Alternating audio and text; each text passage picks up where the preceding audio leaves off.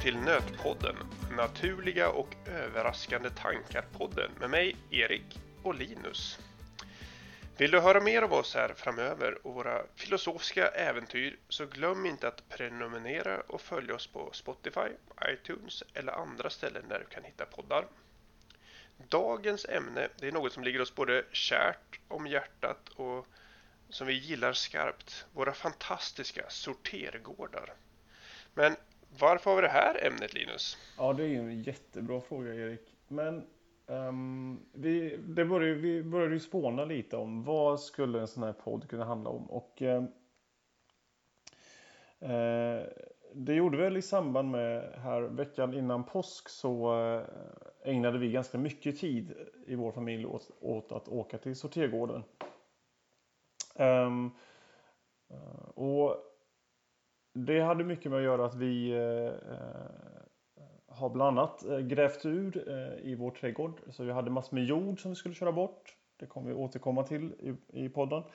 Eh, men vi rensade också i, i vårt garage. Så att det var också mycket grejer som skulle köras och slängas. Ehm, så att det är väl lite det som, att, att då kommer jag tänka på detta. Alltså vad, eh, att, att jag ändå på något sätt, jag gillar eh, sortergården väldigt mycket. Eh, den, det är någonting som gör att, att eh, jag gärna åker dit eh, och tycker att eh, ja, det känns liksom bra att vara där på något sätt. Så då tänkte jag att då kan vi prata mer om det, helt enkelt. Det är spännande här. Det är ju en lite blandad Eh, relation man har med sortergården. För, för mig är ju så här, sortergården är, är ju barndomsminnen för mig. Jag vet att jag och mina kompisar stack iväg och letade grejer till våran träkoja på sortergården. Hittade gamla döda hjortar och gamla soffor och fåtöljer. Och att eh, vakt, vaktmästaren kom och jagade oss och skrek oss. Vi var ju där tre, fyra gånger på en dag och han kom och sprang efter oss och, och vrålade och sa att han skulle hitta våra föräldrar och leta reda på oss. Och ändå gick vi dit och letade saker sen. Och smög in, kom ihåg. Vad gjorde du med döda hjorten du då? Nej men det var ju mer så här, det var ju lite så här eh, att man var ju tvungen att, att få sina polare att komma dit och kolla på den döda hjorten som leg, låg bakom eh, fåtöljen eller soffan. Och det var ju lite spännande. Ja. Eh, väldigt snuskigt var det för övrigt men eh, ja. Men vi hittade många bra grejer till träkojan. Ja, ja. Eh, det var väldigt bra. Fint. Så att, eh, Sen är det ju en, jag tycker det är väldigt fascinerande just för att man, man får ju se så mycket grejer när man är liksom där. Det är på något sätt så anammar det lite på samlingsbehovet lite grann. Ja, och se vad folk slänger och vad folk plockar. Ja, ja. ja det, det, det, finns liksom allt där och just hur folk även kan, det är bara fascinerande av att följa eh, hur folk har packat sina saker. Det är också väldigt fascinerande. Så att du, när du är där, så det är inte bara så att du liksom hivar ut grejerna ur, ur släpet eller bilen så, utan du, du står även liksom och iakttar lite och kollar in liksom vad folk gör och hur folk beter sig. Ja, men det är väl klart. Det är ju liksom eh, en del av nöjet och just att det blir en gemensam samlingspunkt för, för samhället lite grann det här. Ja, men lite det här. Ja, måste jag åka och slänga sängen på sortergården, vilket innebär att jag måste Eh, plocka och separera sängen från ramen och ta bort även fjädrarna i varje enskild fjäder i, i sängen innan jag får sortera den så att den verkligen är supersorterad. Eller åka in till någon annan ort där jag bara kan slänga sängen i en, ja. en stor binge liksom. Just det. Där man inte den, behöver, den är jättefascinerande. Där man inte behöver skämmas för sina misstag. Typ. Ja men lite så där, där inte kontrollanterna heller är lika eh, strikta i, liksom i, i vad de gör. Ja, just det, just det. Men eh, det som är lite intressant eh, och som också väckt min tanke är just det här. Men det här har också att göra med att jag, att jag kanske är svensklärare och, och gillar att och grotta ner mig kring ord och så ibland. Men det är också spännande den här, för att förr då kanske man pratade liksom om soptippen så. Eh, ja, precis. Sådär. Nu så har ju vi hittills hela tiden eh, pratat om och, och refererat till det här stället som sortergården. Eh, och det är ju lite intressant. Jag tänker att det är ju lite som det här andra sådana kända exempel där man försöker liksom byta ord och begrepp för någonting. Ja, men det är till exempel det här med, ja, men man säger inte, kanske inte städerska eller städare längre, utan man pratar om en lokalvårdare man pratar inte om en, en, en mattant längre utan numera kanske man säger måltidsbiträde eller något i den stilen. Eh, och vi har ju också, apropå det här med, med eh, återvinningscentraler och sortergården och det spåret, också de här man, man säger inte heller sopgubbe längre utan man säger en renhållningsarbetare till exempel. Då. Det var, det var ju nästan ett, sånt, det var knappt jag har hört tror jag, renhållningsarbetare. Ja, men jag tror att det kallas ja, ja. Men samtidigt jag att ja. sortergård låter ju mycket mer liksom officiellt på något sätt. Det låter som en, så här, en riktig titel. Ja. Så är det ju. Det är lite så här, ja men är du chef? Nej, jag är chef på sortergården. Ja, just det. Det låter mycket bättre att säga jag är chef på soptippen. Så det är ju det är verkligen så här en, en förfining ja. och liksom en höja statusen för för yrkeskategorin liksom. Ja, men det låter bättre på något sätt. Eh, och, och, ja. och sen tänker jag också att det är ju väldigt tydligt också vad man ska göra där, tänker jag. Att man ska sortera människa. Inte bara liksom slänga saker hur som helst. Här ska det, ska det sorteras. Det ska läggas på rätt ställe. Du, du tänker lite, så här, lite, lite, lite kommunist, miss, kommunistisk eh, noggrannhet liksom. Ja, jag, jag det så ingen... att det vita glaset ska i den här bingen och ja. det gröna ska faktiskt här. Ja, och nu, nu är det så. Vi, vi tvekar inte på Nej. det här. Det här är sortergård. Det, det är sortergård. Här är det så. Och därmed basta. Där basta precis. Helt enkelt. Mm. Så, att, så, att, jag tänker att, att eh, på något sätt så, ja, så kanske det, man vill liksom förklara och förtydliga vad man skulle hitta på där helt enkelt.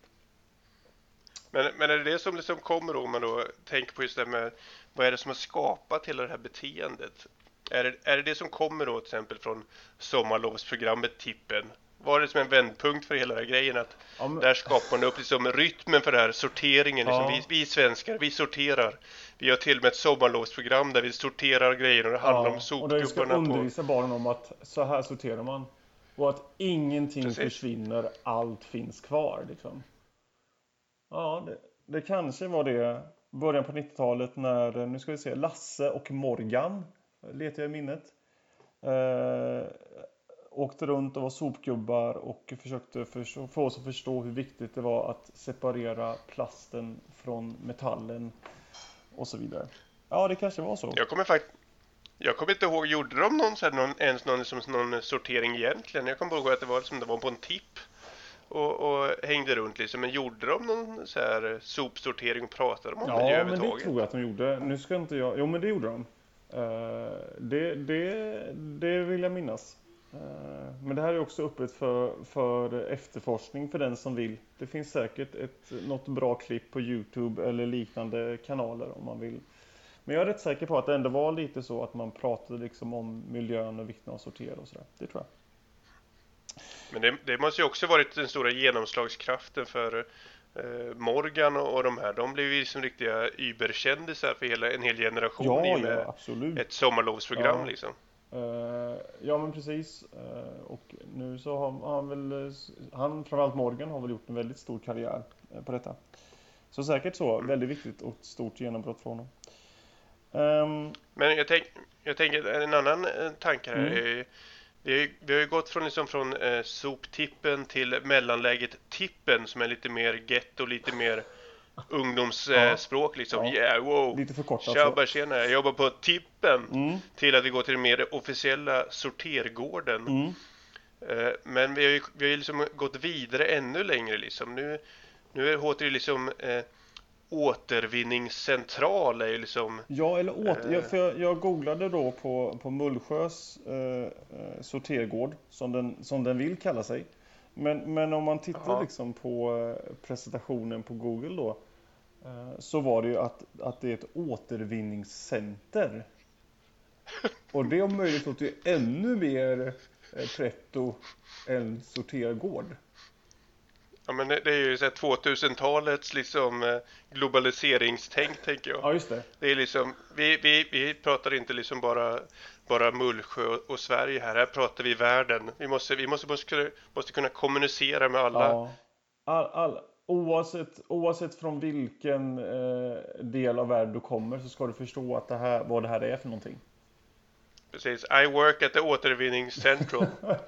Och nej, sorry. I work at the återvinningscenter. Ja, och så förstår personen i fråga i alla fall hälften av vad han har sagt. Ja, precis. Men vi, Och då vi, tänker jag så här, kan det vara liksom ett nytt World Trade Center man har byggt någonstans i Sverige eller är det en sortergård? Ja, det är frågan. Men vi, vi återkommer till den här internationella kopplingen också Erik så småningom. Eh, tänker jag. Ja, det gör vi. Ja. En liten cliffhanger, Ja, precis. spännande. Men eh, om vi ska börja då någonstans, vad tänker vi liksom är, är grejen med sortergårdar? Eh, vad är det som är fördelen med sortergårdar? V- vad är det vi ser? Varför gör vi ett helt eh, program, ett avsnitt eh, om sortergårdar? Och, och då satt jag och tänkte på det här och, och den första grejen som, som jag kom att tänka på, det var ju ändå det här med att, att det är en ganska eh, god känsla att åka till sortergården. För man blir ju helt enkelt av med massor med gammalt skit. Så. Och saker som man inte Ja, behöver. helt klart. Ehm, för att vi till exempel, jag och min fru, vi flyttade in i vårt hus för ehm, två år sedan, är det väl? Eh, och, och den förra ägaren lämnade kvar en del grejer så. Eh, och även eh, har vi upptäckt förstås under tiden att det finns saker som vi inte vill ha och sådär. Så att dels är det mycket sånt som, som vi slänger så. Um, uh, och um, ja, men gammalt virke som har blivit kvar och det kan vara lampor och det kan vara lite allt möjligt som har åkt dit. Så, så det är ju en grej av det, liksom att det är sånt som vi inte vill ha som, som blir kvar. Ehm, Det här är ju en lite så intressant grej för att jag tänker, ni flyttar ju in i ett hus ja, Det var fyllt med grejer så ni var tvungna att åka till sortergården här för att, för att bli av med detta, för att bota eran, liksom, alltså, eran, eran ångest över att det är så mycket skräp här i huset. alltså var inte, Jag hade ju den här att vi, ja, det, sa det var inte fullt med grejer. Alltså det låter ungefär som att vi, vi flyttade in liksom till en möblerat hus.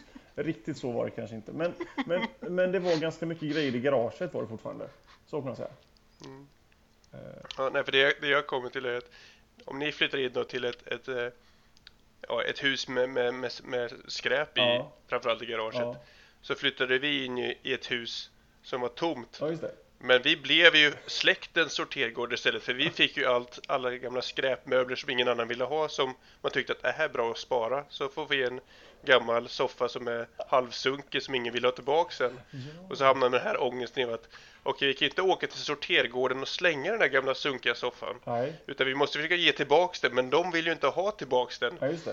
Men får vi åka med den till sortergården utan att säga till att vi gör det, eller måste vi få ett godkännande av personen i fråga det, att ni- vi får åka till sortergården? Av personer som ni har fått den här soffan av. Ja, just- precis. Mm. Och då sitter man liksom där med, med 15 rum med möbler och soffor och gamla tv-apparater Ja, som ingen vill egentligen ha tillbaks men ingen vågar erkänna att man vill ha tillbaks. Då sitter man här i, i ångest lite grann att okej, men hur ska jag bli av med det här på ett bra sätt? ja. Men Erik, du har ju också gjort den snygga saken, apropå att bli av med saker. Så har ju du också Mm. sett till att vi har ju fått er gamla motorgräsklippare på långtidslån också. Det är också det väldigt raffinerat gjort, får jag säga. Ja. Så att, den är jag ganska nöjd med Ja. faktiskt. Fast jag saknar den ibland, måste jag erkänna. Det. alltså, saknar du den? Våra... Ja, ibland. Vi- Jag måste ju klippa i gräset liksom utanför våran eh, mur. Ja, just det. Och det kan jag ju inte göra, så nu måste, nu måste jag gå till grannen och låna hans gräsklippare istället. så att jag vet jag måste göra någon sorts avbetalningsplan tror jag, om att få, Ja, eh, få liksom på något sätt hur man hanterar ett eh, korttidslån med grannens gräsklippare på ja något just det. sätt. Ehm, ja, det är intressant. Men, men, eh, ja, men då, jag kan tänka också då att då kanske ändå mitt, eh, förhoppningsvis då, att det kanske bidrar lite till grannsämja mellan dig och din granne. Att du så här kommer dit och snicksnackar lite och, och får låna. Eh, ja, det var ett litet sidospår, men... Ja. Eh, ja, Ja, men, men verkligen, men det, det man kan säga med, med själva om man ska återgå till ämnet här med sortergård så är det, det är ju en, helt klart en, en familjeaktivitet. Det är, ju fantastiskt eh, roligt för barn och yngre att komma dit och bara få kolla på en hjullastare som åker runt och krossar en massa sopor. ja, Eh, kan ju vara roligt för en annan där att se hur ja. en gammal eh, billig bokhylla blir Ja, mosad ja, av en stor sten som de står och ju med. inte, men det är klart man tycker. Men, men precis eh, som du säger Erik, att, att barnen tycker oftast att det är ganska roligt att åka dit. Precis, så länge man håller sig borta från den här eh, sophögen som kan finnas på en del ställen. Sånt. En del har ju så de kommer dit och även dumpar eh, eh, alltså vardagssopor och då luktar det ju skunk. Men eh, så länge man håller sig borta från den delen så är det Ja. ganska så bra. Men, det, men det, det finns väl inte på den fantastiskt fina eh, sortergården i Mullsjö en sån grej va? Eller gör? Nej, det gör det inte. Eh, I, förr i tiden så hade de, eller för ett tag sedan hade de en stor sån trävirkeshög där det låg allt möjligt konstigt. Ja, just det. Där alla slängde sin och så här, men den, det vet jag inte vad som hände för den körde de till flis och saker. Men, Ja, okej. ja, ja. men Nej. eh, den har ju försvunnit liksom. De har ju, de har ju på något sätt eh, förfinat och ökat statusen på Mullsjös egen lilla sortergård. De har uppgraderat den lite så att säga. Precis, man har gått till, blivit lite mer top notch och lite Mm. mer eh, förfinad. Ja. ja men, men eh, precis det här med, med familjeaktiviteter om vi ska hå- hålla oss till det. Eh, för att ehm, det är också det att det är inte bara att det finns stora maskiner som, som gör och krossar saker. Ehm, det är också det här att på något sätt eh, i alla fall mina barn gillar ju det här bara med liksom att hiva ner saker liksom i en stor container på något sätt. Att det är väldigt det här effektfullt. Jag tänker det är lite så du vet de här eh, rockstjärnorna som skulle kasta ut tv-apparater från, från hotellrum. Ja, just det. Att det är ja. lite samma den där känslan att liksom få, få stå och kasta något eh, liksom lite uppifrån och så, så landar det bang rakt ner i någonting. Att det finns något tillfredsställande i det. Ehm, och det var samma, det var samma när vi var, eller när jag var på sortergården senast här så var mina, mina stora killar med. Och eh, då så eh, lastade vi av jord och grejer. Eh, och, och där man lastar av jord där lägger man också speglar och så. Så att deras nöje var ju också att stå och kasta sten på speglarna och de liksom splittrades så. Sen efter ett tag så fick jag säga till dem för att jag insåg att det är inte så jättebra om det är massor med glassplitter överallt heller. Så att, så att det fick vi liksom sätta lite stopp för. men är inte det här tvådelat tänker jag? För då är en del i det här rockstjärnebilden liksom. Jag får Ja. ta mina metallreglar eh, och få kasta dem i den eh, metallhögen och det låter som bara den. Ja, just det. Och sen har du nummer två är mer den här sofistikerade, lite mer jag njuter av att få trycka på knappen till komprimatorn så att jag får se hur papplådan Ja, bara förstörs och lite där bubbelwraps-grejer liksom. Man får höra det där när det mosar och sen så det är liksom en, en tvådelad eh, faktor där också. Det Ja. finns liksom olika glädjeämnen liksom. Det är både lite, eh, ja just det, ja. Jo men jag förstår hur du tänker. Det är Eh, liksom något speciellt med ljudet av en komprimator som trycker ihop massor med pappkartonger. Det är Ja. helt fantastiskt. Ja. Det finns en njutning i det, precis. Bara ljud. Mm. Precis, det, ja. Nu kom jag in på en annan tanke som jag hade, men det är, det är en annan femma. Det finns ju något som, som eh, där man kan lyssna på olika ljud och få liksom något så här, de har någon utställning på det här, tror jag, i Stockholm nu. Okej. Där man ja. får lyssna på olika ljud som på något sätt, vissa ljud triggar liksom ett välbehag i, i en sinnen. Ja. Och det kan vara jättekonstiga saker. Man kan tänka ett komprimatorljud kan kanske vara en sån förnimmelse som för vissa människor blir liksom njutning. eufori på något sätt. Ja, en en njutning. njutning. ja. Mm. ja, kanske kan vara så. Ehm, men sen tänker jag ytterligare en, eh, och eh, i, i våra dagar kanske den, den, eh, ett väldigt stort skäl för att man åker till sortergården. Det tänker jag också är på något sätt för att bota den här klimatångesten som vi alla lite till mans eh, springer runt med och känner. Eh, alla Greta Thunberg och eh, stol, skolstrejk för klimatet och sådär. Att vi känner att vi måste göra någonting för att den här jorden inte ska, eh, ska förgås på något sätt. Och, och det kan jag känna att, att ändå att jag när jag åker dit i min bensinbil ja, är ju ändå att, att jag på något sätt ändå gör liksom en liten insats någonstans. Ja, det är fantastiskt. Ja, men det, är, det är klart. Och jag tänker, där kommer vi också tillbaks till liksom eh, med klimatångest lite, lite framöver i programmet där tror jag också. Ja. Med liksom hur man hanterar det på olika sätt här i, i, i vår lilla värld. Mm. Eh, och så. Eh, men jag vet inte, det, det känns som att vi får liksom en, en väldigt bra övergång här till programmets liksom, eh, eh, lilla paus här. Nu har vi pratat väldigt mycket sortergård, men det känns som att nu är det dags att gå vidare till en, få en liten information som mer faktabaserad paus här. Känns det inte så Linus? Ja, men det kan vi väl göra. Eh, tar du lite ansvar för det då, Erik? Det gör jag, jag fixar det. Mm. Då eh, hoppas jag att ni lyssnare också är beredda, så kör vi igång. Veckans land! Veckans land alltså. Det här är ju ett eh, spännande lite inslag. Eh, vi vill ju ha lite fakta i den här lilla podden också. Man ska ju inte gå ut i, i världen utan att få lite ny kunskap.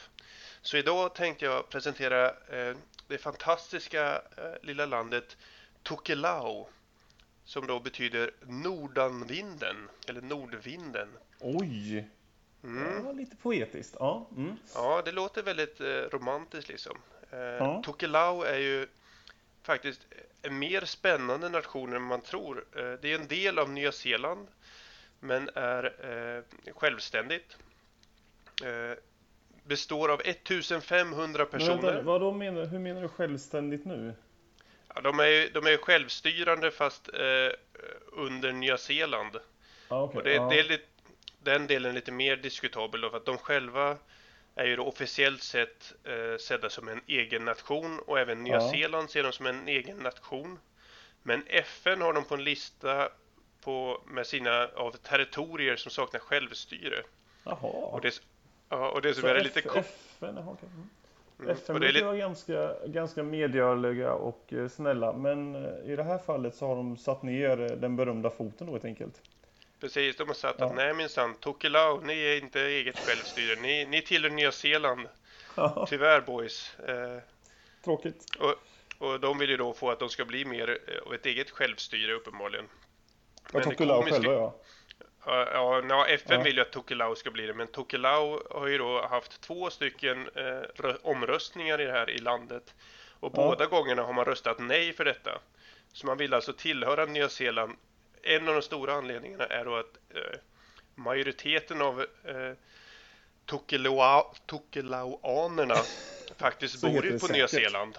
Ja. ja eh, så att det är 45 procent är ju faktiskt eh, utanför nationens gränser egentligen.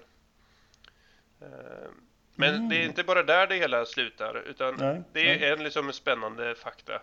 Men sen är det ju faktiskt så att det här är fjärdens minsta nation, fjärde minsta nationen. Ja, ja, mm.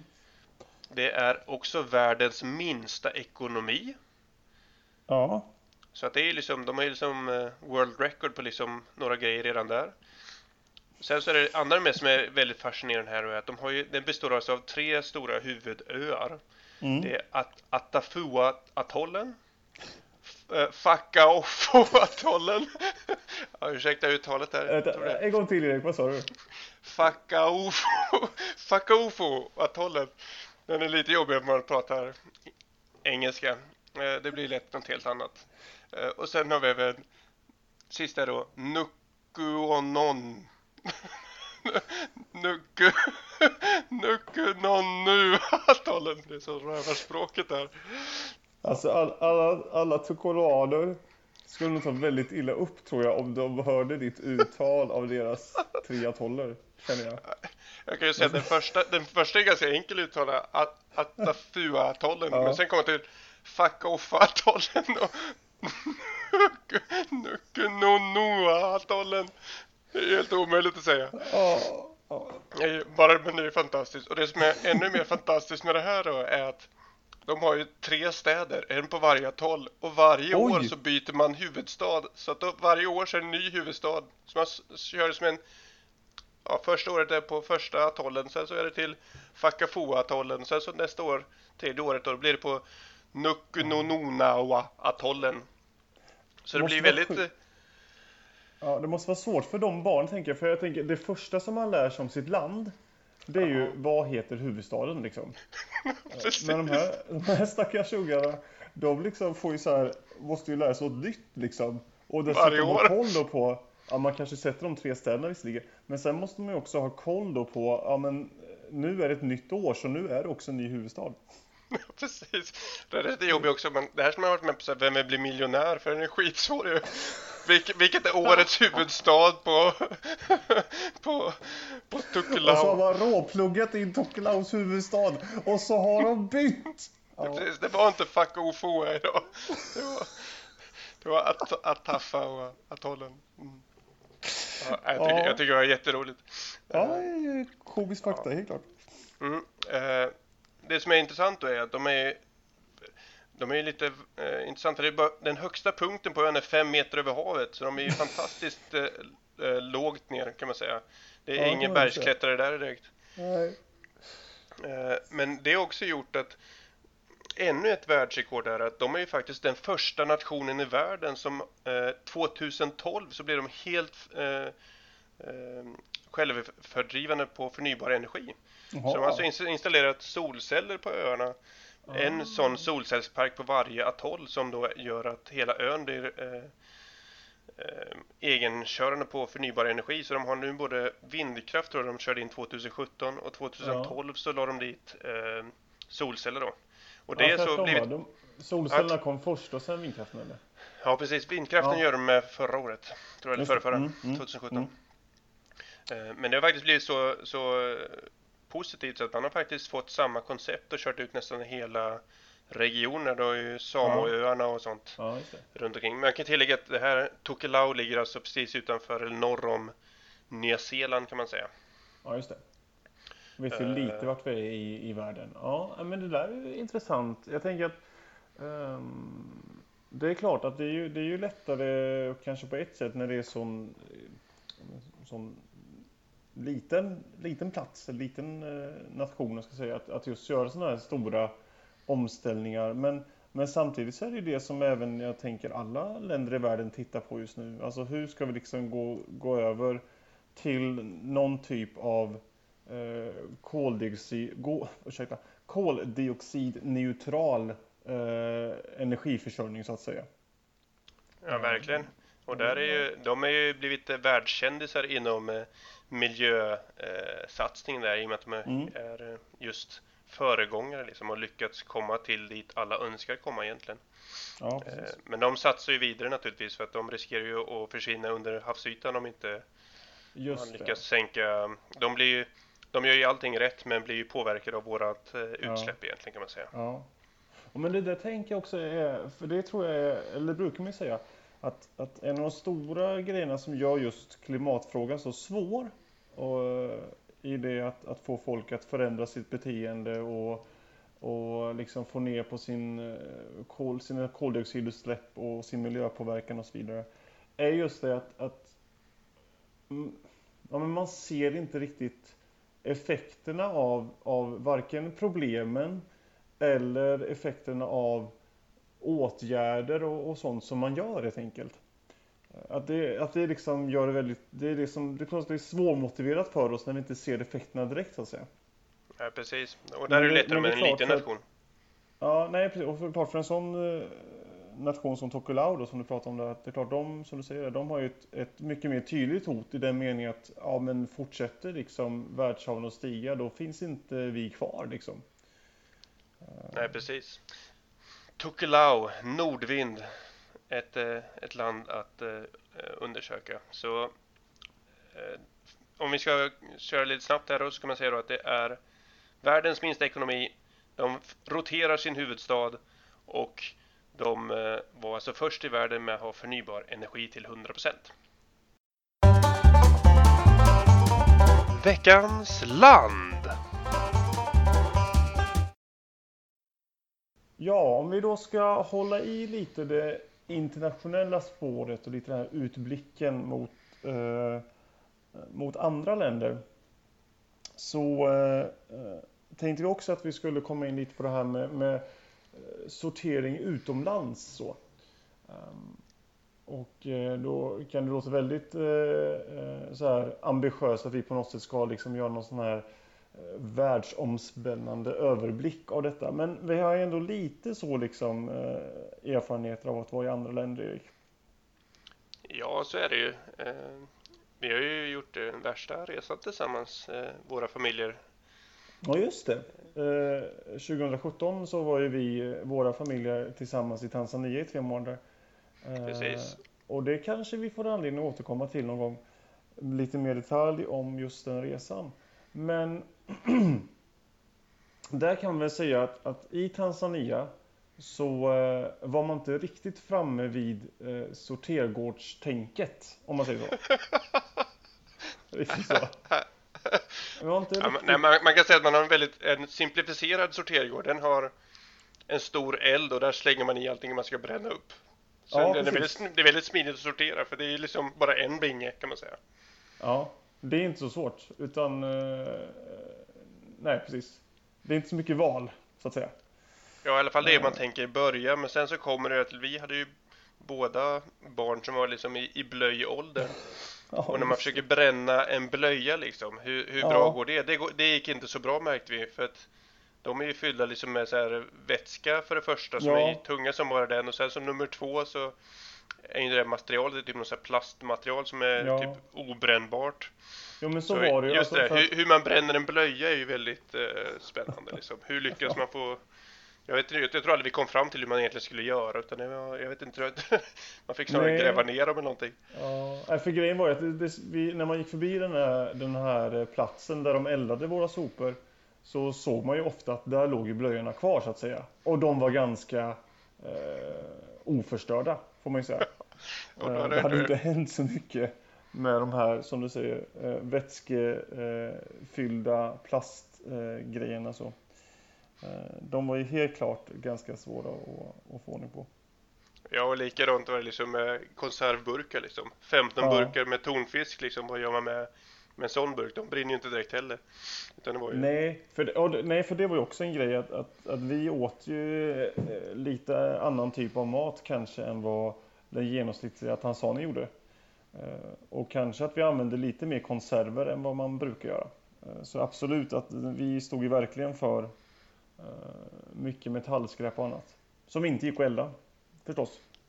Ja, precis. Det var, och det var inte så att vi var så klimatneutrala och, och vi packade ner liksom i våran, våra väskor när vi skulle åka hem liksom.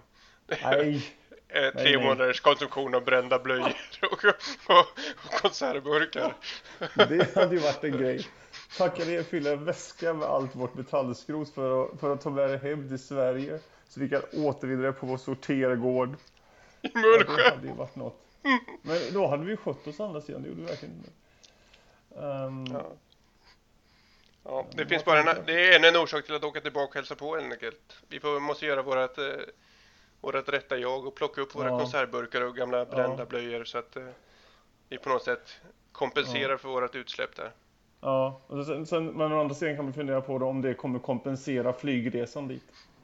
Ja, det, det, det blir en diskussion för en annan podd tror jag. Ja, det tror jag. Um, men sen också hade vi en väldigt uh, spännande historia uh, om, om ett oljetråg också. Uh, ja, precis. Den är också, så, det är ju samma, samma koncept egentligen ju. Ja, vi kan ju bara ge lite snabb bakgrund där. Att, att vi bodde på ett ställe som heter, nu har jag tappat det helt Tasengua, säger jag rätt nu? Ja. Ja, eh, och där bodde också ett, eh, ett eh, finlandssvenskt missionärspar. Stämmer bra. Som hade varit i landet ganska länge. Och då berättade Marco, heter mannen va? Minns du Precis. Ja. ja. Hur, hur han gjorde när han bytte ol oljetråg på sin bil. Men eller egentligen bytte olja på bilen var det väl? Ja, bytte olja på bilen, exakt. Han bytte olja på bilen. det är ju, det är ju samma grej. Han tog hand om filter, inte ja, oljefilter och sånt. Oljetrågen är helt ute och cyklar. Men hur man tar hand om filter och sånt. För att i, i, Sverige så kan vi ju åka till sortergården och så har vi det här med farligt avfall. Den eh, borden eller vad det nu är, där, ni bor. Och så kan man ju lämna ifrån sig sina oljefilter och så tas den om hand så. På något sätt. Eh, men, men så kunde ju inte Marco riktigt göra i Tanzania. Nej precis, det blev ju inte riktigt eh, så utan eh, han fick också en binge för farligt avfall men sen var ju den bara fem meter ner i marken kanske. Eh, och sen så var det väldigt mycket jord över. Sen har de ju ja. dolt det farliga avfallet väldigt tydligt och bra. Japp, eh. han grävde ner helt enkelt. Ja. Uh. Fantastiskt miljövänligt. Men ja, vad gör man liksom? Det, det, går inte att elda upp det heller liksom. Ett gammalt oljefilter blir inget bra att elda med riktigt. Nej, nej. Uh, Så, att, eh, så, så fick man lösa det i, i Tanzania, man fick gräva ner det. Och, Precis. eh, och för all del så har man väl gjort eh, överallt i världen. Eh, och sen så, Ja. Det hade du på 70-talet i Sverige, så hade du när du seglade så var ju, det finns någon sån här instruktionsfilm, det här kan man googla på tror jag. ja, Eller söka på valfri sökmotor. Mm. Eh, just om att det finns en instruktionsfilm man ska göra med sitt skräp på segelbåten. Då ska man ta en, en hink och sen fylla, fylla den med sten och sen slänger man in sina sopor och sen dumpar man det utanför, utanför båten Mm. så sjunker till botten och så har du problemet löst. Så mm, det är lite samma Det- det- koncept där. Det som, det, som inte, det som inte syns, det finns inte. Nej, precis. De har, de har inte hört det här att eh, det som försvinner i, i snö kommer fram i tö. Det finns Ja. inte riktigt. Eller, eller Lasse och Morgans Ingenting försvinner, allt finns kvar. Ja, just det, Eh, precis. Det här är ja. bra. Den, den hade de missat. Ehm, men, eh, men jag kom dock på, apropå Tanzania, för vi bodde ju på, i slutet av vistelsen så bodde vi på ett hotell. Eh, och där, om inte jag missminner mig, så hade de ju faktiskt eh, anslutit sig till något företag som jag tror var skapat av, om det inte var svenskar så var det i alla fall västerlänningar. Där de just hade börjat jobba liksom med det här med sopsortering och sånt. Jo, men det stämmer. Det var ju svenskar som Ja. hade det också dessutom. Ja, så att, så att det något- händer ju jag, tror det saker var även... jag, tror det var, jag tror det var ett rent SIDA-projekt om jag inte helt fel. Ja, precis. Men det händer även saker i, i Tanzania på det här med, med sorteringsfronten också. Precis. Men där Linus, där tycker jag det låter ju perfekt som vi har en eh, bra återkoppling och ett bra avslut på dagens avsnitt av eh, podden. Tycker du inte det? Ja, men vi landar väl någonstans i där att, att eh, det kanske ändå är så att vi, eh, vi är på väg mot en, en värld där inte bara svenskar eh, neurotiskt står och eh, försöker pricka rätt i bingen på sortergården utan det även kanske, kanske kommer till andra länder också så småningom. Och fler länder. Det är fantastiskt. Det Mm. låter jättebra. Ja, Men med det tycker jag att vi tackar för att eh, ni har lyssnat på Nötpodden eller Naturliga och överraskande tankar-podden med mig Erik och Linus. Eh, jag hoppas att, eller vi hoppas att ni tyckte det har varit roligt och spännande att eh, få lyssna på oss. Vi har haft väldigt roligt i alla fall. Eh, om ni vill lyssna på mer så glöm inte att prenumerera och följa på oss. Följa, följa oss heter det, på, oss- på ställen där ni hittar poddar. Och vi har ju faktiskt en e-post också som man kan skicka till notpodden gmail.com så får vi ett e-post så ni kan eh, prata och kommunicera med er som lyssnar om så önskas. mm. jättebra. Eh, tack för att ni har lyssnat Tony.